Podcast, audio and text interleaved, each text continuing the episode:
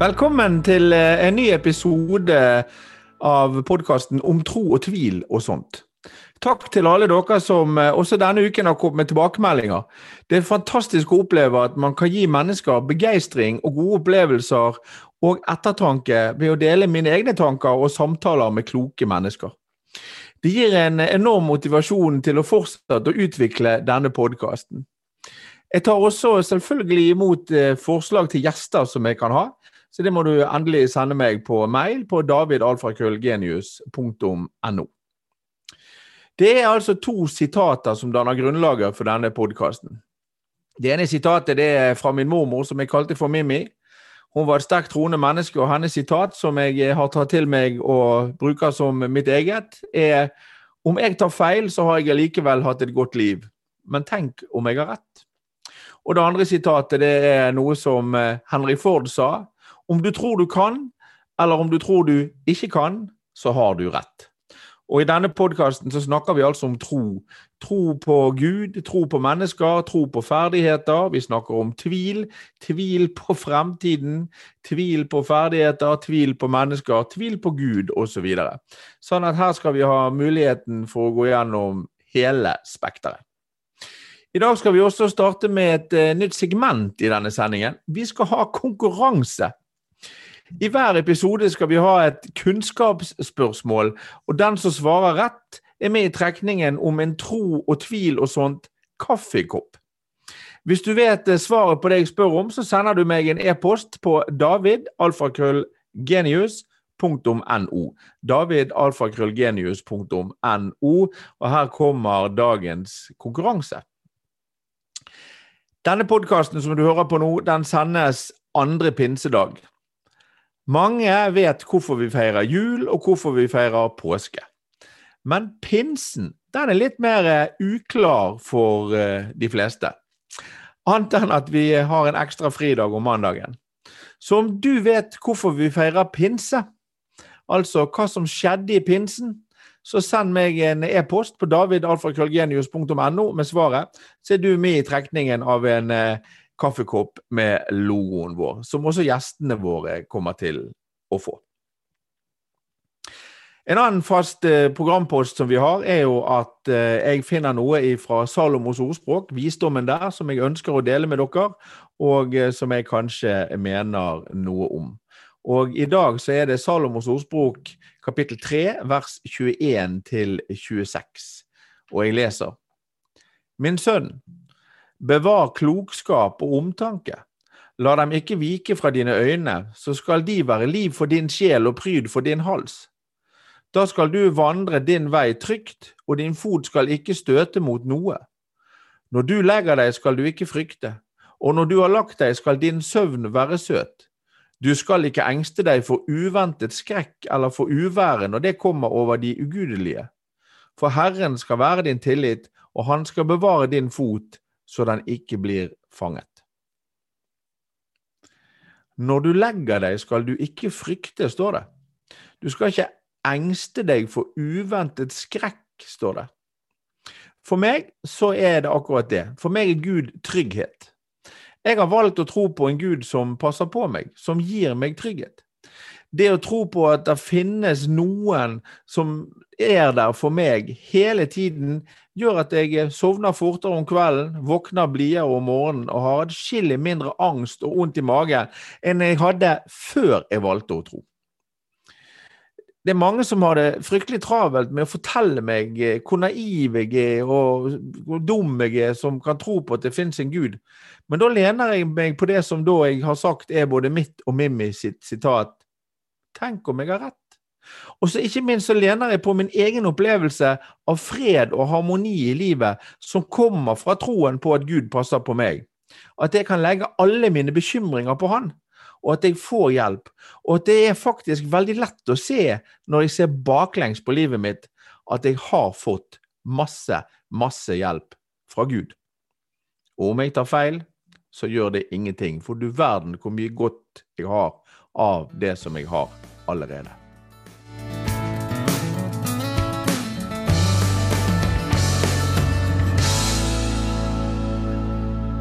Da er tiden kommet for å introdusere ukens gjest. Jeg har kjent eh, Eduardo Andersen i mange år. De fleste kjenner han som Doddo. Og et kjapt søk på internett gir følgende biografiske informasjon. Eduardo Hans Doddo Andersen, født i 1963, norsk musiker og forfatter fra Bergen. Doddo har utenom Barn og unge frustrerte menn samarbeidet med Odd Nordstoga om å skrive revyen 'Kjærlighet er best på pinne', som også er tittelen på en bok. Han ga i 2018 ut sitt første soloalbum, 'La oss ta en idealist'. For albumet vant han Spellemannsprisen i 2018 i klassen Årets tekstforfatter. Dodo er bl.a. fast skribent i Bergens Tidendes nettutgave, der han blogger om alt vedrørende brann. Doddo har gitt ut fem bøker. Det er det internett sier. Men så spør jeg deg, hvem er Doddo? Ja, det var jo mye fakta. Det var, det var en veldig det var liksom to-tre setninger og hele mitt liv, følte jeg. så, ikke det alt som stemmer. Eh, men hvem jeg er, det lurer jeg fortsatt på. Det er et av mysteriene i livet mitt, hvem jeg egentlig er. For det svinger mellom at, at jeg føler meg som en uh, konge. At jeg uh, har det perfekte liv og har de perfekte utfordringene. Til at jeg skraper bunnen og, og, og lurer på hva er det jeg driver med, og hvorfor er jeg her? Og jeg har faktisk ingen venner. ja, akkurat. Ja, jeg kan jo slå deg til rommet. Du har én, da. Han sitter her. Så det, så det er jo så, er, så, har vi parkert den, liksom. Men, men, det handler jo om tro og tvil. Og en av grunnene til at jeg hadde lyst til å ha deg med på dette, her, Dodo, det er fordi at jeg tror, jeg tror ikke jeg kjenner noen som er så god til å tvile som du er. Eh, Nei, det, og det Nei, jeg er en tviler og en, og en, pessimist, men det er en annen historie. Men eh, jeg, jeg mener jo at å tvile hvis du, du kan bruke et annet ord for det, og det er å være kritisk. Jeg mm. mener jo det at man må være kritisk eh, til eh, det som foregår rundt deg. Og i dag så styres jo eh, veldig mye av vår oppfatning av både medmennesker og, og, og verden samfunn. Ikke bare av, av tradisjonelle medier, men også av sosiale medier. Så man skal alltid være skeptisk og tvilende og kritisk til det som blir formidlet.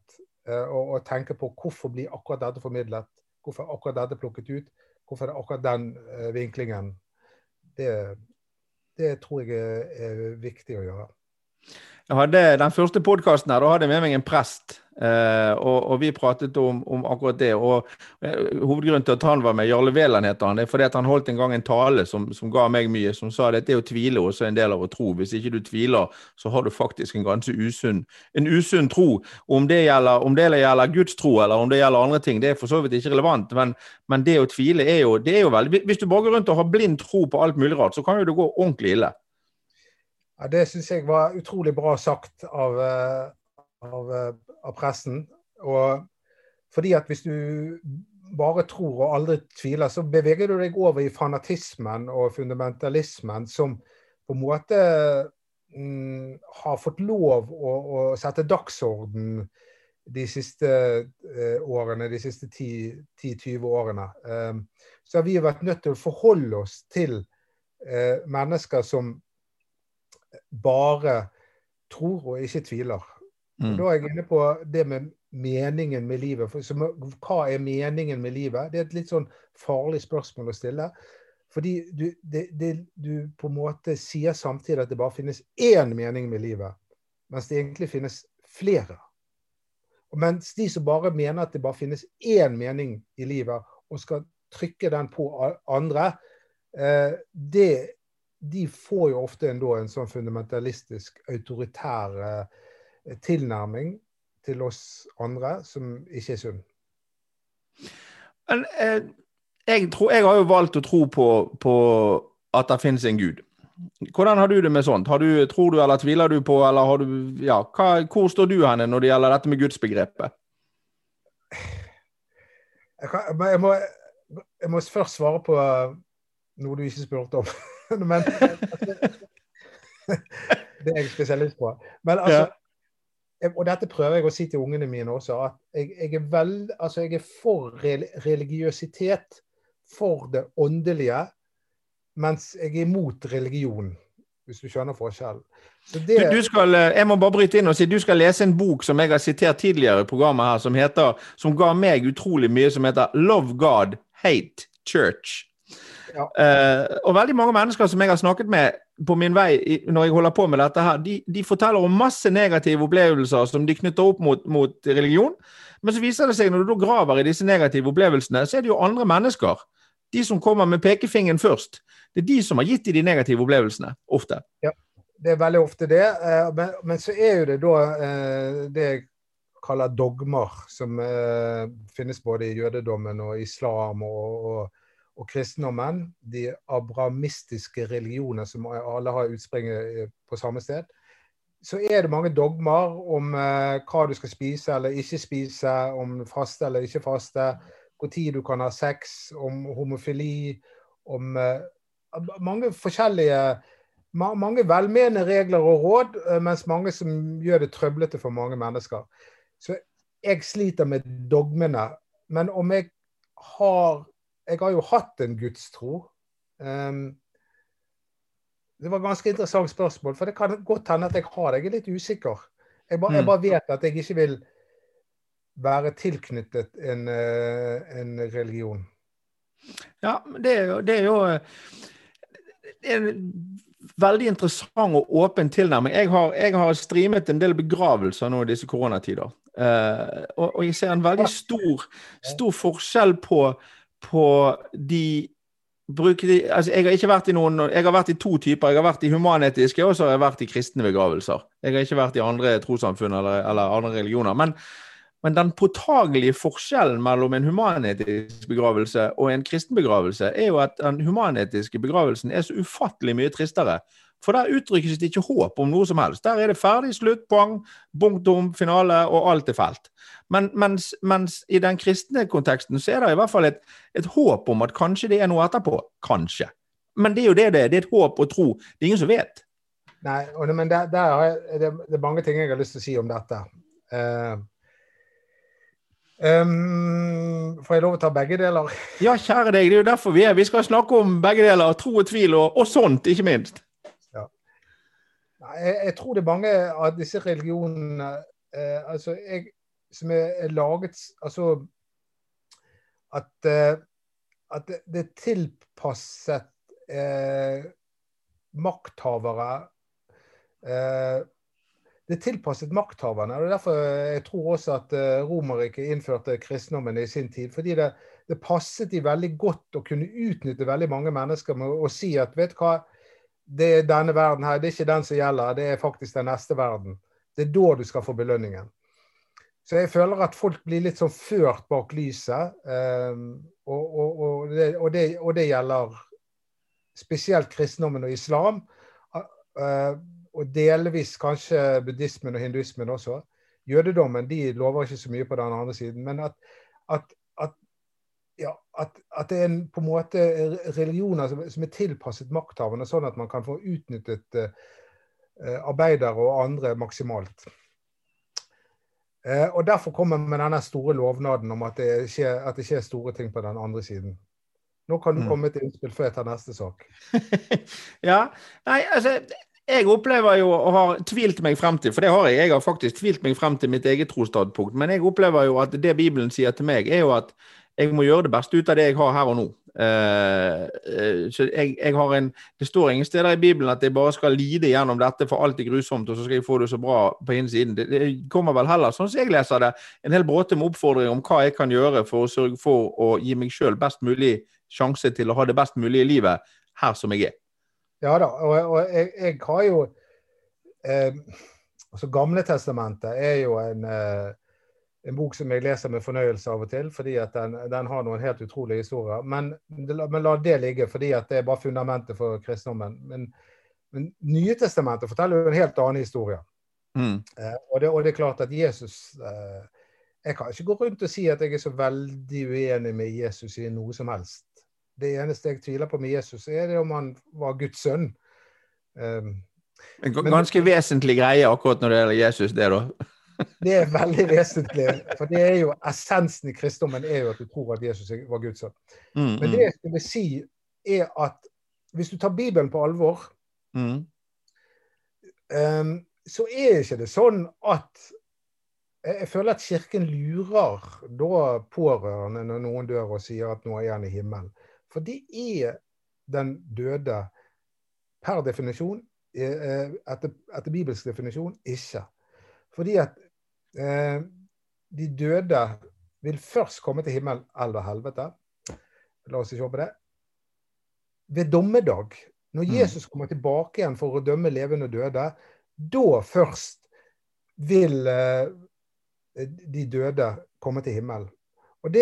Så, så, i mellomtiden, før Jesus eh, eventuelt kommer tilbake igjen og dømmer levende og døde, så, så, er det ingen som er i verken i himmel eller helvete. De er på et slags mellomstadie. Eh, på, de er på, på vent. Mm, mm. Interessant at du sier det.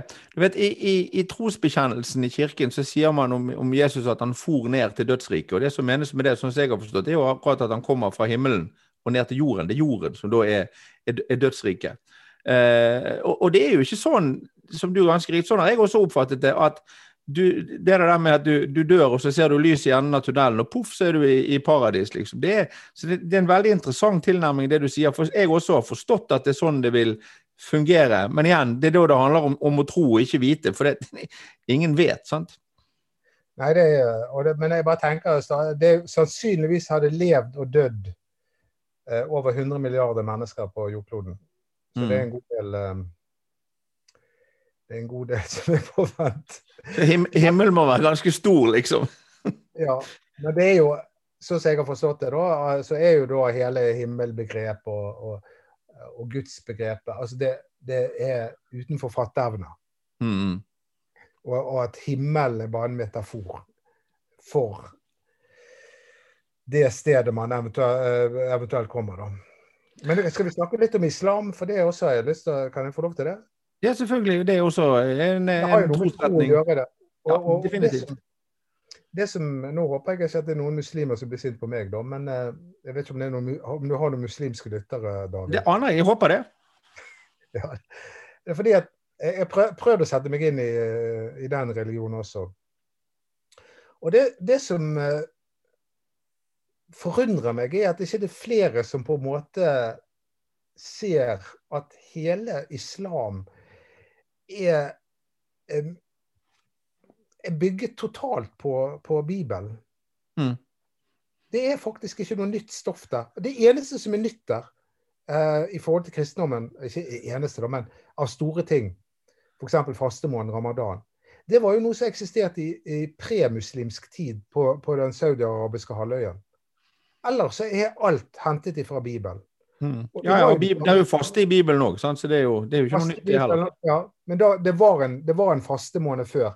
Mm. Eh, eh, og, og, så har du også eh, Du har paradis, de kaller himmel paradis, og, og, det er helvete, og det er dommedag. Altså, det er utrolig mye som er likt. Og til og med at stamfaren er Abraham. Og, og, det, og, det, kan vi si en siste lille ting som jeg syns var veldig det, Jeg har lest en bok om Mohammed også, da. Og, og det var at eh, bønneretningen var opprinnelig til Jerusalem. Mm.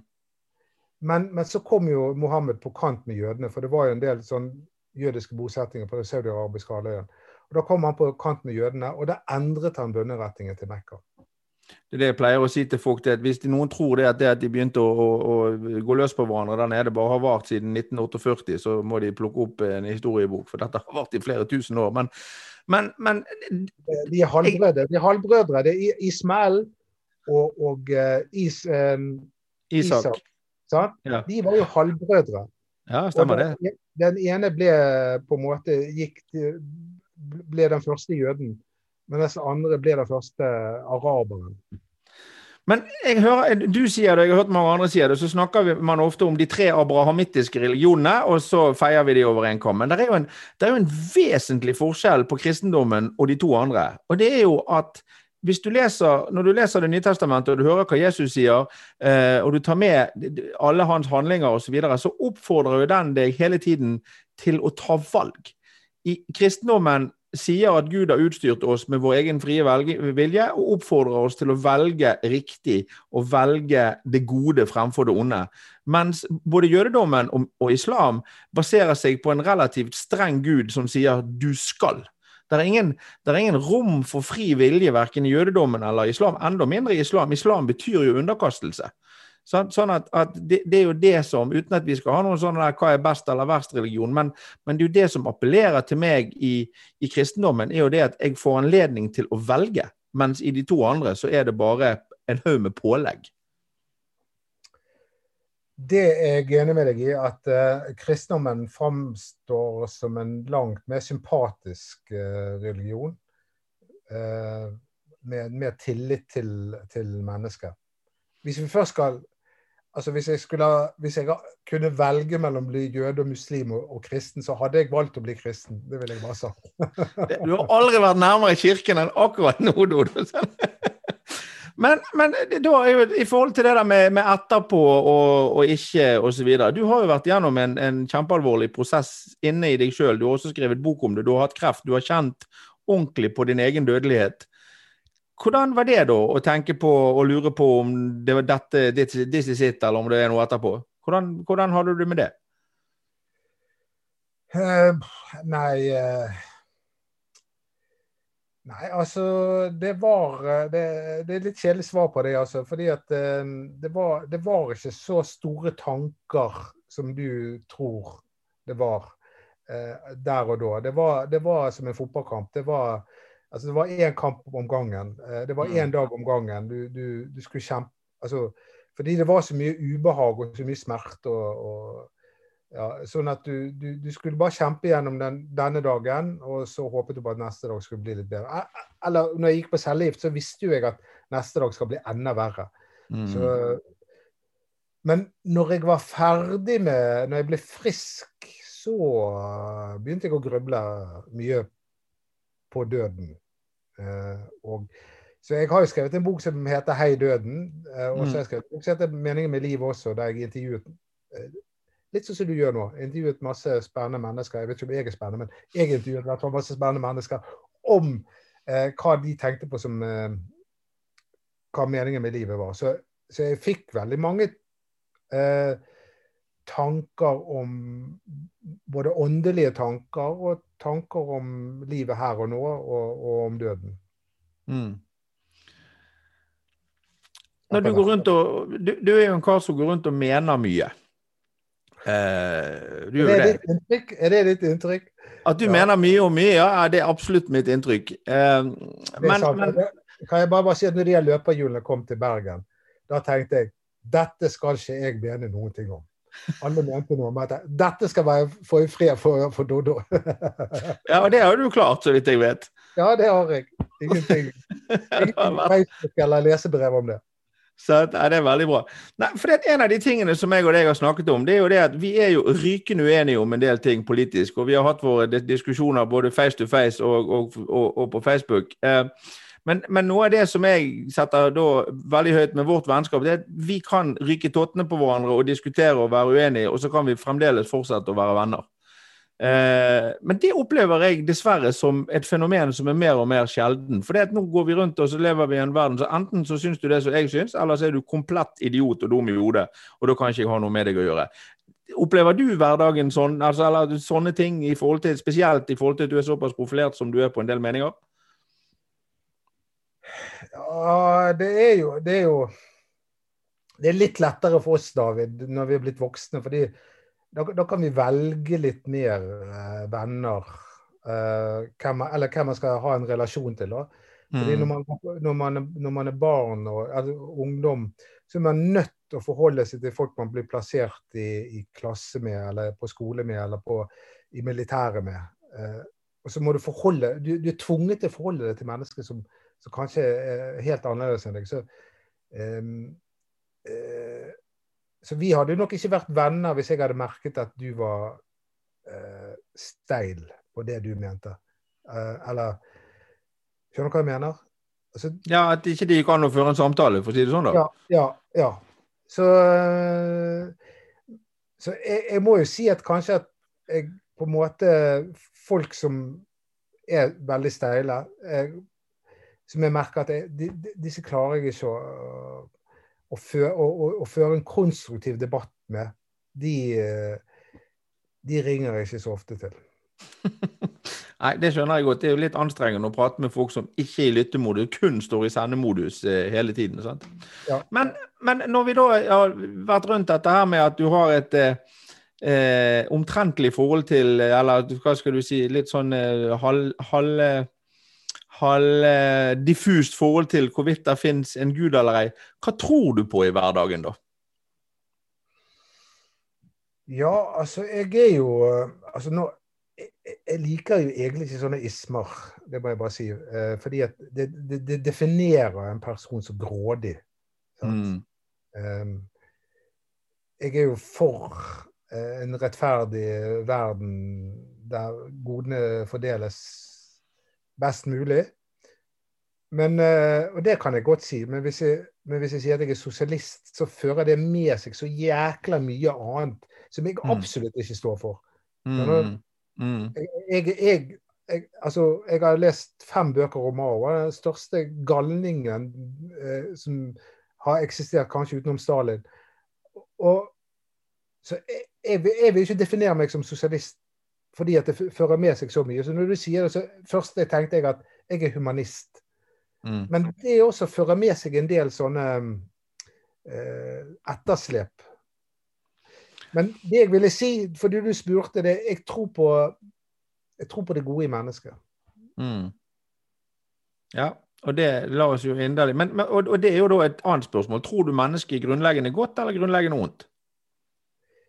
Jeg tror det ikke er grunnleggende noen av delene. Jeg, jeg mm. tror at om du blir et godt eller dårlig menneske eller utfører gode eller dårlige gjerninger, eh, det, det avhenger så veldig mye av hvilken oppdragelse du får. Mm. Det, det, og spesielt de fem, tre, fire, fem første leveårene. Det er det som forteller om et menneske blir, eh, blir det du kaller godt, eller om det blir det jeg kaller vanskelig.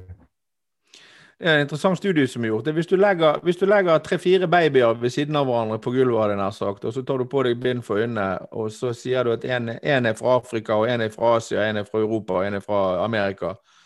Og så skal du med bind for øynene, og det, du har da der, dertil hørende hudfarge, for å si det på den måten, da. så skal du med bind for øynene prøve å avgjøre hvilken baby som er hvilken. Det er jo helt umulig de lager akkurat de samme lydene, akkurat de samme faktene osv. Så, videre, sånn. så det er, jo, det er, jo, kulturen og påvirkningen som gjør at vi blir, vi blir, de vi er. Ja, det er veldig, veldig riktig. Eh, det er 100 det. Um, mm. Så eh, og, og, og, så er jo noen kulturer veldig, veldig forskjellige, da. Men jeg, jo, jeg, jobbet jo i nesten fem år med afghanske flyktninger. Eh, noen eritreiske i alderen 13 til 18 år. Mm. Og da Når du møter gutter som aldri har gått på skole, som er analfabeter eh, Kanskje de aldri har vært i en by engang før de eh, dro av gårde. Helt annen oppdragelse. Så kommer de her.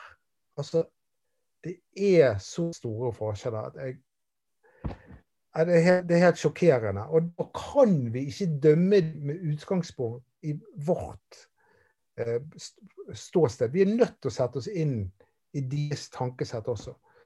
For det er jo mange ting som Det som jeg, merker på meg sjøl, og som jeg merker på mange andre, som vi setter veldig veldig stor pris på, det er takknemlighet. Mm. Vi er villige til å, å, gå til verdens ende for naboen vår hvis han sier takk. Mm. Men hvis han ikke sier takk, så tenker du faen for et rævhold. Mm. Og det var et sånn møte med mange. Jo, ikke takk. Hva er dette for noe? Og da måtte jeg gå litt i meg sjøl. Så tenkte jeg at takknemlighet, det er faktisk noe som må læres, det også. Mm. Så jeg følte at mye av min jobb i løpet av de fem årene, det var å lære de takknemlighet. Og det tror jeg klarte. Men de kommer jo fra kulturer der blant annet, altså vår, Hos oss så er jo det mest hellige i samfunnet det er jo livet. sant? Altså det, å, det, å, det å ta et liv er jo helt utenkelig i vår kultur. Men når du nevner Etrea, Afghanistan, andre eh, si, steder i verden som vi ikke tenker så mye over, så er jo det respekten for liv er jo nesten ikke-eksisterende. Det er den sterkestes rett som gjelder, og du gjør det du må for å overleve. Eh, og det er, ingen, det er ingen selvfølge for at det finnes myndigheter. Her i Norge så forventer vi at myndighetene tar vare på oss hvis vi har det vanskelig, i form av om det er politi eller helsevesen eller hva det er. Sant? Og vi tror på at staten er der for oss. Men disse menneskene har jo ikke en sånn grunnleggende tro i det hele tatt. Jeg vet ikke om jeg er helt enig med deg. Ehm, men det er jo Det var litt sånn i Norge og Vest-Europa også lenge at ehm, ja, at den respekten for uh, uh, menneskeverdet, da, for menneskelivet, og at alle mennesker betyr like mye. sant?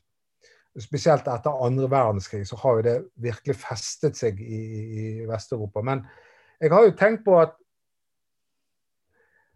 at i noen land, eh, f.eks. Afghanistan eller andre land som vi tenker på har en helt annen kultur enn oss, de sørger jo mye kraftigere over sine døde enn det vi gjør. Mm. Vi, vi, vi, er veldig sånn pragmatiske og, og, og, nå skal vi gå videre. Og Spesielt hvis det er en eldre person. Så, mens der føler jeg at man, man, kan sørge lenge og langt. Jeg husker mens vi var i Spania på 70-tallet med mine foreldre. og Da møtte vi en, mange damer som de gikk alltid i svart, for de skulle gå syv år eh, i svarte klær for å sørge over mannen. Og I mellomtiden så var det et annet familiemedlem som hadde dødd. Så de gikk alltid i svart. Ja. Og, det, og, det, var for å vise sin sorg. Men i, i, Norge så har vi jo det har jeg snakket om i andre setninger, her gjemmer vi jo bort døden. Altså I Spania og, og i andre kulturer og sånn, der, der, der, bor det jo mange generasjoner sammen. og Det, det at noen dør, det er, en, det er en naturlig del av livet. Det er trist. Eh, og de markerer det som du sier på en helt annen måte. Sånn. Men, men, døden er med de hele veien. altså Alle vet om det. Her bare gjemmer vi de gamle vekk på institusjoner, og så når noen dør, så kommer det, så kommer det noen fra begravelsesbyrået, legger de på et kjølerom og putter de i en kiste, og så ser vi en kiste i begravelsen, så er det ferdig. Så mennesket er på en måte helt borte med en gang. Ja, vi har, gjemt bort døden, og, og, og vi har gjemt den så mye bort at når døden først kommer og banker på, dø, på døren uh, vår, så får vi helt sjokk. Mm. Og, og, og, mange blir sinna også, sant? gjerne på politikere. sant? Eh, hæ? Skal jeg, skal, er ikke det noen som skal komme og ordne opp? Ja, sant. Eh, og det er jo helsevesenet i Norge, er, og spesielt vi som bor i storbyene Bergen og Oslo, sånn, vi opplever jo et helsevesen som er internasjonal klasse på, sant? nivå på. Vi kan nesten, Kreftbehandlingen, som jeg kjenner til du, du, du kan nesten ikke få bedre kreftbehandling enn det, enn det du gjør i, i Bergen. Noen mm. steder i verden. Sant? Og da, når, når, man likevel ikke lykkes med å behandle den kreftsyke, og sånt, så, så, rettes det et sinne mot enten helsevesenet, som da ikke har gjort nok, eller så rettes det et sinne mot politikere som ikke har bevilget nok. Mm. Man, man, nekter å ta inn over seg at at, at døden Og selv med gamle mennesker. At døden, det er bare Den, den kommer den kommer og banker på hver eneste dør. Ja, vi skal det, alle mann, på et eller annet tidspunkt. Og Da blir jo, blir det jo kanskje for meg, som da har valgt å tro på at det muligens er rett det som står i, i Det nye testamentet, kanskje det er litt lettere på noen områder å forholde seg til døden jeg vet ikke. Jeg, eh, som sagt, jeg var, jeg var, nærmere 50 før jeg kom til det standpunktet. Så jeg har, brukt, eh, jeg har brukt 45 år på å tvile meg frem til hva jeg skal tro på eller ikke. Så, men døden er en viktig faktor i, i, livet. Det er i hvert fall en konstant påminnelse av at vi må gjøre det beste ut av hver dag vi har. Så lenge vi har livet, så vet vi i hvert fall ikke hva som kommer etterpå. Jeg misunner deg den eh, troen. Jeg skulle også gjerne ha hatt den troen, fordi det er, det er en stor trøst i det. sant? Uh, mm, ja. Ikke minst er det en stor trøst i å kunne be. Helt klart. Fordi, hvis, noe, hvis, du, hvis et kjært familiemedlem er, er alvorlig syk, og, og, og, du kan ikke gjøre noe fordi den personen ligger på sykehus, det er egentlig bare legene skal gjøre noe.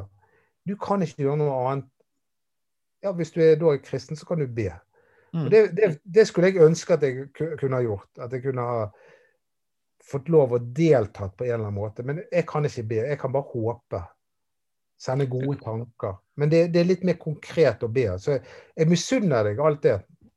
Jeg lover deg, det var ikke lett å begynne med. Det tok, det tok en, det, det å, å prøve å snakke ut i luften og tro på at noen hører det, det tok en stund på en måte å, å bli vant til den følelsen. Men, men så ærlig skal jeg være at jeg har vært en sånn som har vært plaget av, av, av angst og nervøsitet på mange måter, og hatt vondt i magen og, og gått rundt. Og, og det, å, det å ha lært seg til å finne et sted der jeg kan legge vekk de tingene som bekymrer meg, for det har jeg faktisk lært meg til. Eh, det har vært så verdifullt eh, i mitt liv at som jeg sier mange ganger, hvis jeg tar feil, så er det helt greit, for det har gitt meg så mye i hverdagen min allikevel. liksom. Ja, du har Altså Hvis det viser seg at du har rett og jeg har feil, så, så, så sliter jeg på dommedag. Men, men for å si det sånn, jeg er ikke en av de. Jeg er aldri, aldri en av de. Det er, inkludering er, er utrolig viktig for meg. Men du nå, før vi nærmer oss slutten ja? si at hvis det faktisk hvis Jesus faktisk er Guds sønn og, og dukker opp en dag for å dømme oss, også, så,